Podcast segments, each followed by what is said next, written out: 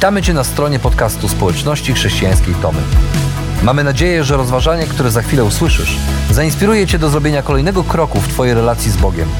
Bo w naszej społeczności zapraszamy wszystkich do relacji z Chrystusem, który zmienia wszystko.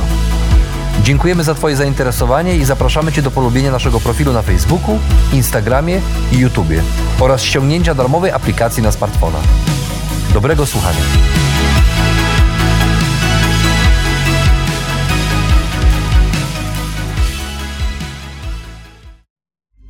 Come in close. Closer. Because the more you think you see, the easier it'll be to fool you. Because what is seeing? You're looking, but what you're really doing is filtering, interpreting, searching for meaning. My job? To take that most precious of gifts you give me, your attention, and use it against you. Come in close. Im więcej myślisz, że widzisz, tym łatwiej cię oszukać. Na tym właśnie polega iluzja. Iluzja to sztuka odwrócenia uwagi i skupienia jej na tym, co nie ma znaczenia, podczas kiedy w tym samym momencie dzieje się coś o wiele bardziej znaczącego. I jeśli dasz się wciągnąć w tę grę zwaną iluzją, to dasz się oszukać. A przy okazji też może się zdarzyć tak, że możesz coś stracić. Nie wierzysz? Sam zobacz. Ladies and gentlemen, I am the next great magician, and I will give $100 to anyone who can tell me how this trick is done. I have an ordinary spoon from Mel's Deli right here in Brooklyn. Check it out. Now everyone, please pay very, very close attention, because I'm about to bend this spoon with my mind.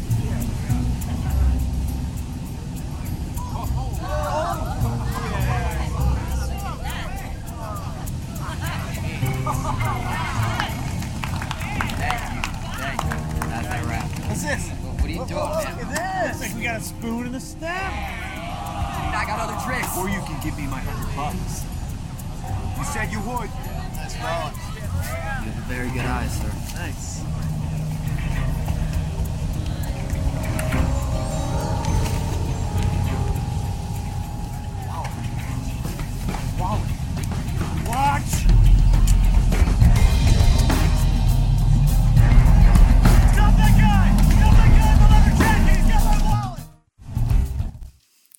Właśnie, jeżeli dasz się oszukać i skupisz swoją uwagę nie na tym, co trzeba, możesz stracić zegarek, portfel albo nawet coś więcej. I tak właśnie działa iluzja. I o ile występy iluzjonistów mogą być zabawne i wciągające, to iluzja może być też niebezpieczna, zwłaszcza jeżeli ma miejsce w życiu codziennym i zwłaszcza jeżeli to my jesteśmy tymi, którzy tworzą iluzje i tworzą złudzenia, a jeszcze gorzej jest wtedy, kiedy My tworzymy iluzje i złudzenia, a w jakimś momencie sami zaczynamy wierzyć w te złudzenia, które stworzyliśmy. I jedna z najniebezpieczniejszych iluzji, którą możemy stworzyć sami dla siebie, oszukując samych siebie, to jest iluzja dobrego życia z Bogiem. Kiedy jesteśmy przekonani, że to, jak żyjemy i kim jesteśmy, podoba się Bogu. I taka iluzja jest o tyle niebezpieczna, że są chrześcijanie, którzy są przekonani, niektórzy z nich są przekonani, że na przykład dobre życie chrześcijańskie polega na tym, że e, wykonujemy całą listę zasad. Ponieważ chrześcijaństwo to nic innego niż lista rzeczy do zrobienia. Musisz chodzić do kościoła, musisz czytać Biblię, musisz się modlić, musisz pomagać innym, musisz pościć, musisz e, robić wiele innych dobrych rzeczy, a wtedy będziesz dobrym chrześcijaninem. I myślimy sobie, że kiedy tylko będziemy robić te dobre rzeczy, to będziemy prowadzić życie, które Bogu się podoba. I w ten sposób oceniamy samych siebie, oceniamy innych ludzi, czy oni robią, czy nie robią, i tak oceniamy swoją wartość. A przy okazji myślimy sobie, że jeśli tylko będę robił te dobre rzeczy z tej listy, wszystkie po kolei, to wtedy zdobędę przychylność Boga. I w tym sensie tak naprawdę niewiele różnimy się od wyznawców innych religii, którzy czczą inne bóstwa bo oni wszyscy mają swoją listę dobrych rzeczy do zrobienia. Na przykład biedni chłopi w Indiach składają ofiary bogom dzikich węży i ospy, aby uchronić się od nieszczęścia. A wyznawcy szintoizmu stają pod wodospadami, aby spadająca woda wodospadów oczyściła ich duszę. Oni mają swoją listę rzeczy, które trzeba zrobić, aby Bogu się podobać. Nasze listy są inne, ale też czasem je mamy. Inni z kolei popadają w inny rodzaj iluzji dobrego życia, bo myślą sobie, nie, nie, nie, ta lista to jest do niczego. Tak naprawdę to wszystko, co robię na zewnątrz, to nie ma wpływu na moje wnętrze. To nie, nie zmienia mojego wnętrza, więc to nie ma znaczenia, co ja robię. Ważne jest to, kim jestem w środku tak naprawdę. W XVII wieku była taka sekta zwana rantersami, którzy byli przekonani, że skoro jesteśmy zbawieni z łaski, czyli jest to prezent od Boga dla nas, to, to znaczy, że wszystko, co robimy, nie ma znaczenia, nasze uczynki nie mają znaczenia. Co więcej, im bardziej grzeszymy, tym łaska jest większa.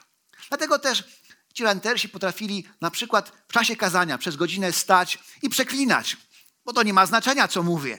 Albo imprezować. Organizowali imprezy, w czasie których upijali się do nieprzytomności, zabawiali się z kobietami, bo im bardziej grzeszę, tym łaska jest większa.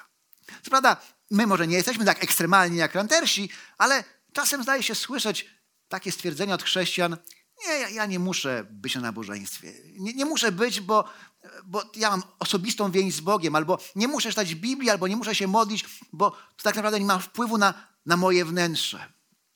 I okazuje się, że jeżeli podążymy za którymkolwiek z tych ekstremów, to możemy skupić swoją uwagę nie na tym, co trzeba i pójść za iluzją, za iluzją życia, które może wydawać się być dobrym życiem, ale nie ma nic wspólnego z życiem z Bogiem. Jak więc uniknąć iluzji dobrego życia? Jak robić dobre rzeczy w dobry sposób? Jezus któregoś razu na samym początku swojej służby wygłosił najbardziej znane swoje kazanie kazanie na górze. Już na początku tego kazania powiedział do swoich naśladowców, że oczekuje od nich tego, aby ich sprawiedliwość była większa niż sprawiedliwość uczonych w piśmie. Bo uczeni w piśmie wiedzą, co jest dobre i potrafią uczyć o tym, co dobre. Ale on mówi: Wy nie tylko macie wiedzieć, co dobre i uczyć, ale też postępować w dobry sposób. A potem Jezus daje konkretne przykłady tego, co to znaczy robić dobre rzeczy w dobry sposób. I mówi o takich praktykach, które wszyscy wykonujemy. Mówi o dobroczynności, mówi o modlitwie, mówi o poście, jako przykład praktyk, które można robić w dobry albo zły sposób. I czytamy takie słowa. Wystrzegajcie się obnoszenia swojej sprawiedliwości przed ludźmi. Nie chciejcie wzbudzać podziwu. Inaczej nie otrzymacie zapłaty od waszego Ojca w niebie. Dlatego, gdy udzielasz wsparcia, nie każ o tym trąbić w synagogach i w najwęższych uliczkach, jak to czynią obłudnicy, oczekując pochwały. Zapewniam was, odbierają całą swoją zapłatę. Gdy ty wspierasz ubogich, niech twoja lewa ręka nie wie, co czyni prawa. Zadbaj, aby twój datek pozostał w ukryciu, aby twój ojciec, który widzi również to, co ukryte, odpłaci tobie. A później Jezus w bardzo podobny sposób pisze o modlitwie. Mówi, również gdy się modlisz, nie bądź jak obłudnicy. Ci bowiem lubią się modlić w synagogach i na rogach głównych ulic, aby się pokazać ludziom. Zapewniam was, odbierają całą swoją zapłatę.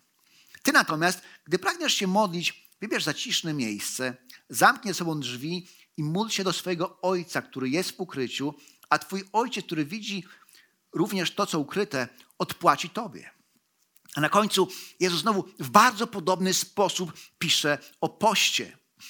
W czasie postu nie przybierajcie ponurej miny, jak to czynią obłudnicy.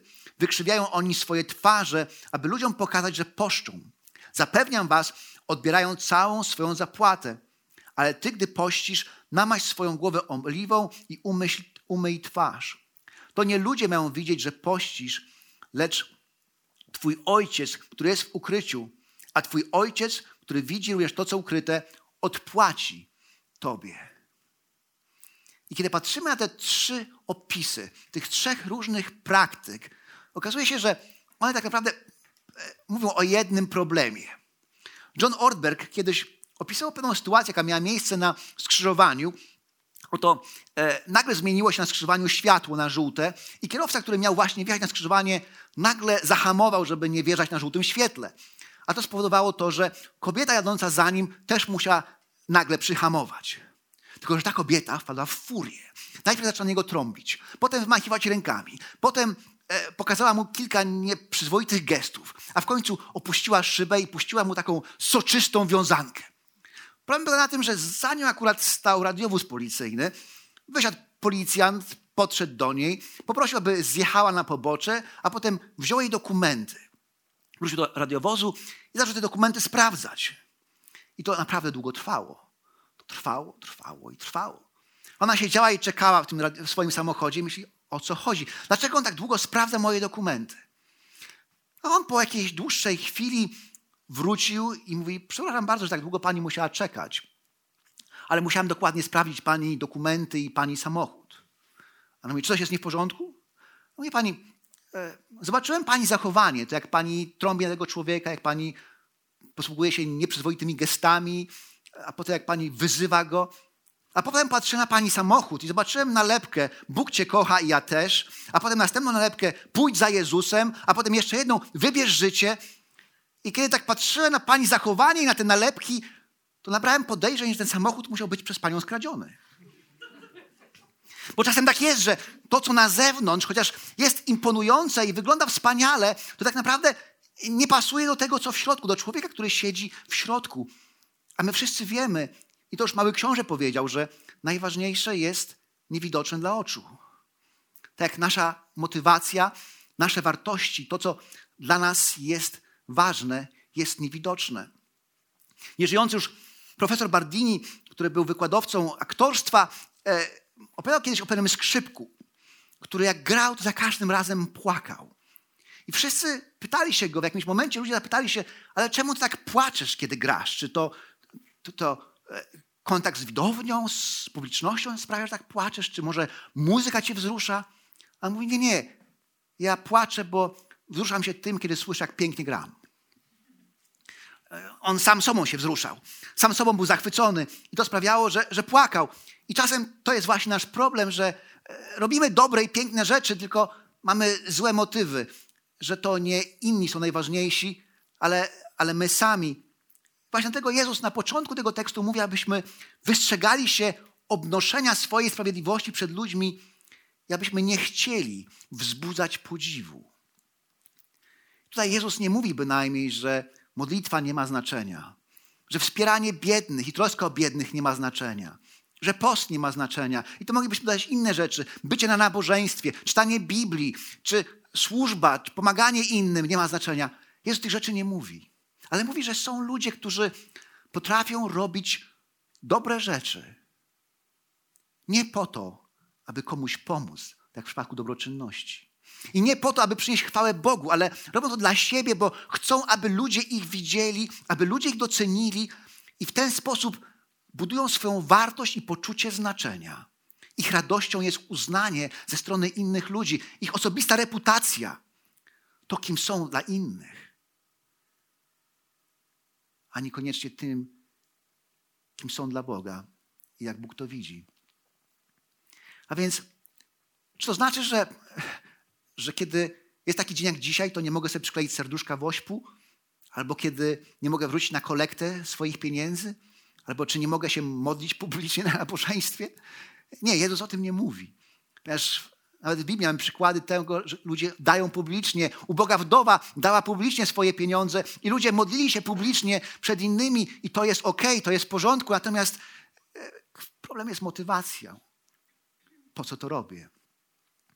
Czy robię, aby uczcić Boga, czy to robię, aby zwrócić na siebie uwagę i pokazać, kim tak naprawdę jestem, jaki jestem? Czy kiedy spędzam swój osobisty czas z Bogiem, to muszę wszystkich poinformować, teraz rozmawiam z Bogiem, teraz jestem zajęty, rozmawiam z Bogiem, właśnie rozmawiam z Bogiem. Czy to jest mój czas, który spędzam z Bogiem? Jak więc uniknąć iluzji dobrego życia? Odpowiedź wydaje się prosta z tego fragmentu, że kiedy robisz dobre rzeczy dla Boga, to rób je dla chwały Boga, a nie po to, aby wzbudzić uznanie ludzi. Jednak kiedy uważnie wczytujemy się w ten tekst, w ten opis tych trzech praktyk dobroczynność, modlitwa i post to odkrywamy, że ta środkowa część, która mówi o modlitwie, jest jakby większa, że tam jest jest bardziej obszerna. I tam jest powiedziane coś, co, co daje nam nowe zrozumienie wszystkich innych praktyk. Ponieważ Jezus mówi, w czasie swojej modlitwy nie powtarzajcie się też jak poganie. Oni myślą, że dzięki wielu, wielomówności zostaną wysłuchani. Nie bądźcie do nich podobni. Wasz ojciec zna wasze potrzeby, zanim mu je przedstawicie. I módlcie się w taki sposób. Ojcze nasz, który jesteś w niebie, niech świętość otacza Twoje imię, niech Twoje królestwo nastanie i Twoja wola ziemią zawładnie, tak jak włada niebem. Prosimy Ciebie, daj nam dzisiaj naszego codziennego chleba i przebacz winy, tak jak my, e, tak jak my wobec nas winnym przebaczyliśmy. Bądź przy nas także w chwili próby, aby zachować nas od złego, ponieważ Twoje jest królestwo, moc i chwała na wieki. Amen. Bo jeśli wybaczycie ludziom ich upadki i wam wybaczy wasz Ojciec w niebie, jeśli jednak wy nie wybaczycie ludziom, to wasz Ojciec nie wybaczy i wam waszych upadków. I to ciekawe, bo Jezus mówi, kiedy, kiedy modlisz się, to, to nie bądź wielomówny. Nie bądźcie wielomówni jak poganie. Ponieważ w religiach pogańskich tamtych czasów nie chodziło tak naprawdę o, o, rozmowę z Bogiem, o spotkanie z Bogiem, ale chodziło o to, aby, aby od bóstwa coś uzyskać. Więc modlitwa tak naprawdę była, była zbiorem pewnych formuł, które należało wypowiedzieć. Formuł, zaklęć, w których naj- najlepiej było wrzucić imię bóstwa, aby w ten sposób uzyskać coś od bóstwa. I trzeba było je odpowiednio wiele razy powtórzyć, aby były skuteczne. I pewnie są tacy chrześcijanie, którzy mówią, że jeżeli modlitwa ma być skuteczna, to musisz modlić się w taki czy inny sposób. Musisz powiedzieć w imię Jezusa albo przez krew Jezusa i wtedy będzie działało. Ale Jezus zmienia naszą perspektywę na modlitwę. Bo mówi, tak się nie módlcie, bo Bóg zna wasze potrzeby, ale jak się modlisz, to przyjdź i powiedz do Niego, Ojcze. A kiedy wypowiadam słowo Ojcze, to to kompletnie zmienia moje zrozumienie modlitwy i moją perspektywę na modlitwę. Bo tu już nie chodzi o rytuał, o obyczaj czy praktykę. Tu chodzi o rozmowę dziecka z ojcem. Tu chodzi o relację. Nagle odkrywam, że to, to nie jest rytuał, ale to jest moja rozmowa z moim ojcem, bo jestem Bożym dzieckiem i mam prawo i przywilej przychodzić do niego jak do ojca. I kiedy patrzymy tę najbardziej znaną modlitwę, zwaną modlitwą pańską, to ona zaczyna się od rozmowy z ojcem o ojcu. Święć się imię Twoje, bo chcemy się cieszyć swoim ojcem. I przyjdź królestwo Twoje, tak się modlimy, bo chcemy widzieć, jak królestwo nadchodzi i chcemy widzieć w pełni tego królestwa. I modlimy się też, bądź wola Twoja, bo chcemy wiedzieć, jak ta Boża wola, która jest w niebie, realizuje się na ziemi. A więc, kiedy rozmawiamy z Ojcem Ojcu, to zaczynamy rozmawiać rozmowę tą od spraw Ojca. A potem rozmawiamy z Ojcem o sobie i o swoich sprawach. I to są takie codzienne, zwyczajne sprawy. To są takie sprawy, że chcemy modlić się o swój chleb, żeby mieli co jeść, żeby nam nie brakowało każdego dnia, codziennie. A potem modlimy się o, o to, co jest trudne dla nas, o kwestię grzechu i przebaczenia, o to, aby Bóg nam wybaczał, tak jak my wybaczamy innym, i aby nas chronił w czasie próby, w czasie pokus, bo z tym się właśnie zmagamy. To jest nasze życie. A więc mówimy o swoich problemach i zmaganiach. I to, co jest niesamowite, to kiedy modlimy się tą, modlitwą, to nie tylko to jest rozmowa z Ojcem w kontekście relacji z Nim, ale ta modlitwa nas zmienia. Zmienia nas. Bo ta relacja nas zmienia. Jezus na końcu mówi, że ci, którzy zrozumieli, czym jest wybaczenie, którzy tego wybaczenia doświadczyli, umieją wybaczać innym. Bo przed chwilą tak się modlili. A ci, którzy tego nie rozumieją, nie umieją wybaczać, im też nie będzie wybaczone. Bo ta modlitwa i ta relacja z Ojcem nas zmienia. A więc tu nie chodzi o listę zasad, ale chodzi o relację z kimś. To tak nasze relacje w rodzinie czy w relacji w przyjaźni.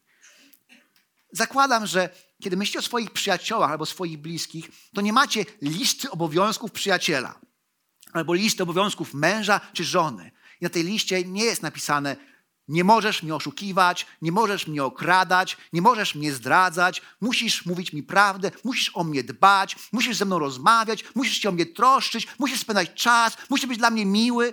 Powiecie sobie, to absurd. Tak żadna relacja nie działa. Czasem możemy zapomnieć o którejś z tych rzeczy i musimy sobie przypomnieć, że na przykład czas z, ludźmi, z przyjaciółmi jest ważny albo z rodziną, ale tak nie działa relacja. My troszczymy się o siebie, bo chcemy się troszczyć, bo jesteśmy przyjaciółmi albo jesteśmy rodziną. My chcemy mówić sobie prawdę i chcemy dbać o siebie i chcemy ze sobą rozmawiać, bo się kochamy. I chcemy ze sobą spędzać czas, bo się kochamy, bo jesteśmy rodziną albo przyjaciółmi. I właśnie o to w tym wszystkim chodzi. Tu nie chodzi o listę zadań do wykonania, ale my chcemy spędzać czas z Bogiem i z Nim rozmawiać, bo Go kochamy. Chcemy uczyć się samodyscypliny w czasie postu, czy chcemy, rozumiejąc to, że otrzymujemy wszystko od Boga, chcemy dzielić się tym, co od Niego otrzymujemy z innymi. Czy chcemy też spotykać się z innymi chrześcijanami, bo to nasza rodzina. Chcemy to robić. A kiedy to się dzieje, okazuje się, że to codzienne życie z Bogiem zaczyna nas zmieniać. I my stajemy się coraz bardziej podobni do Jezusa. Więc jak uniknąć iluzji dobrego życia? Kiedy robisz dobre rzeczy dla Boga, to rób je z miłości dla Boga, bo ta miłość cię zmieni. Tak jak każda relacja. A potem na samym końcu Jezus dodaje coś, co poszerza naszą perspektywę na te praktyki, na życie codzienne i na robienie dobrych rzeczy. Bo tu nie chodzi tylko o motywację, chociaż motywacja jest ważna, żeby mieć właściwą motywację. I nie chodzi o to, żeby robić to w kontekście relacji, bo kocham Boga, ale też, żeby mieć właściwą perspektywę i właściwe spojrzenie. Dlatego Jezus na końcu mówi: Nie gromadźcie sobie skarbów na ziemi, gdzie mól i rdza niszczą, gdzie złodzieje włamują się i kradną. Gromadźcie sobie skarby w niebie. Tam ani mól, ani rdza nie niszczą. Tam też złodzieje się nie włamują i nie kradną. Bo gdzie jest skarb Twój, tam będzie i serce Twoje. Oko jest dla ciała niczym lampa. Jeśli Twoim oczom niczego nie brakuje, całe Twoje ciało jest jasne. Lecz jeśli Twoje oko słabnie, całe ciało pogrąża się w mroku. A jeśli ciemnieje źródło Twojego światła, to garać Cię będzie naprawdę wielka ciemność. Jezus mówi, że wszystko jest kwestią właściwego spojrzenia, zdrowego spojrzenia. Jeśli nasze oczy są zdrowe, to całe nasze ciało funkcjonuje dobrze. Potrafimy się odnaleźć w tym świecie. Ale jeśli nasze oczy przestają działać nagle, to chociaż możemy być super wysportowani super zdrowi, to będziemy się obijać o meble i nic nie zdziałamy, dopóki się tego nie nauczymy, jak żyć nie widząc. Od tego, jak zdrowe jest Twoje oko, czy Twoje oczy, zależy to, jak funkcjonujesz.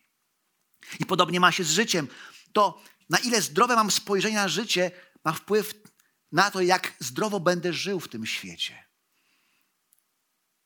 Jezus mówi, to zdrowe spojrzenie też wyraża się w naszych wartościach. Jeśli coś uznam za swój skarb, to za tym pójdzie moje serce. To to pokocham. Za tym będę podążał.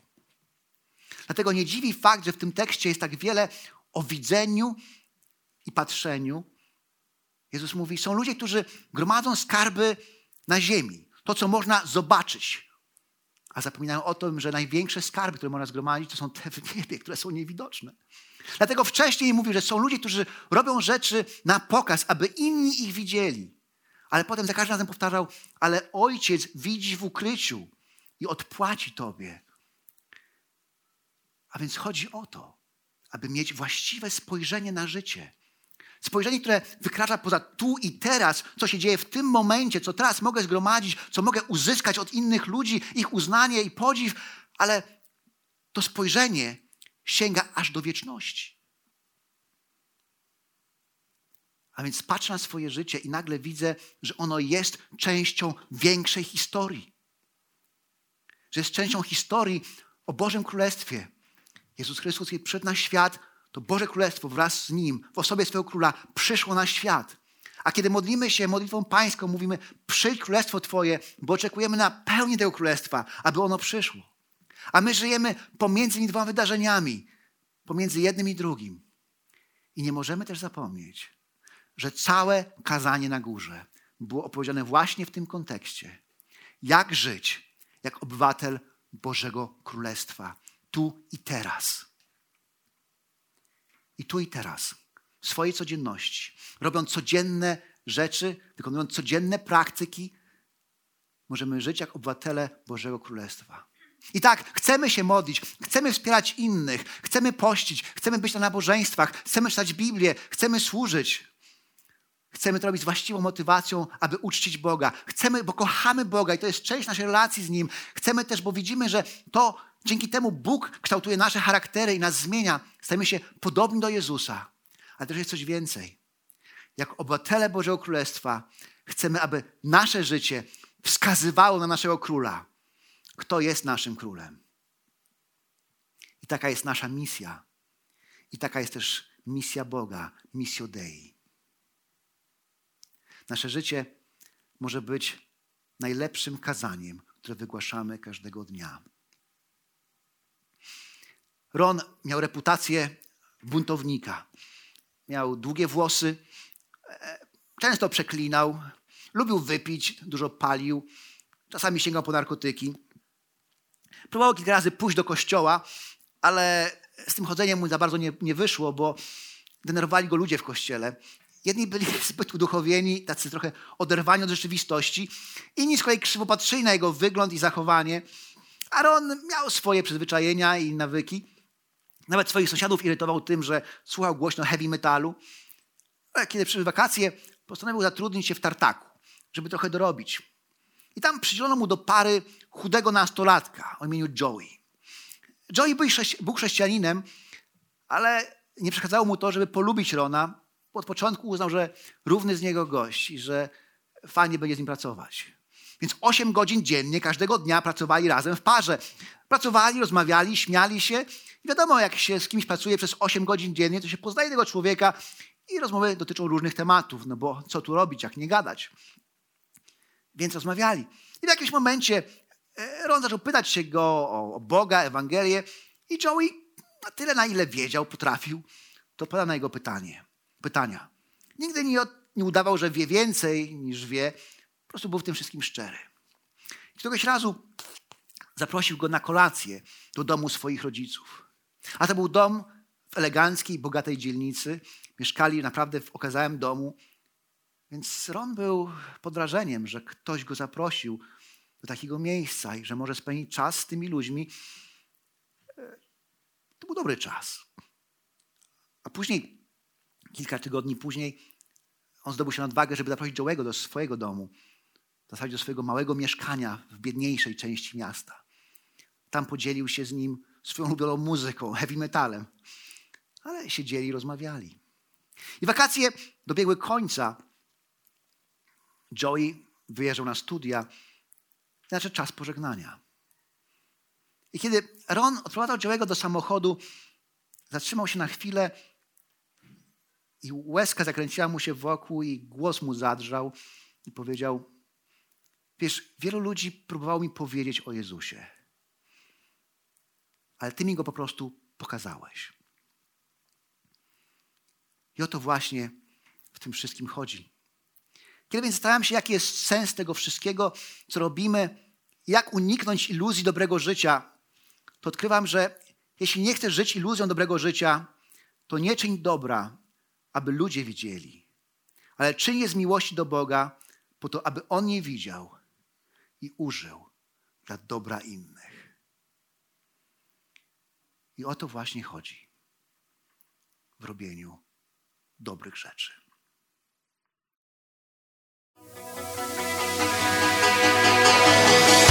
Jeszcze raz dziękujemy za wysłuchanie naszego rozważania. Jeżeli mieszkasz w okolicach Tomaszowa Mazowieckiego lub Łodzi, zapraszamy Cię do odwiedzenia nas na niedzielnym nabożeństwie. Więcej informacji znajdziesz na stronie schatomy.pl.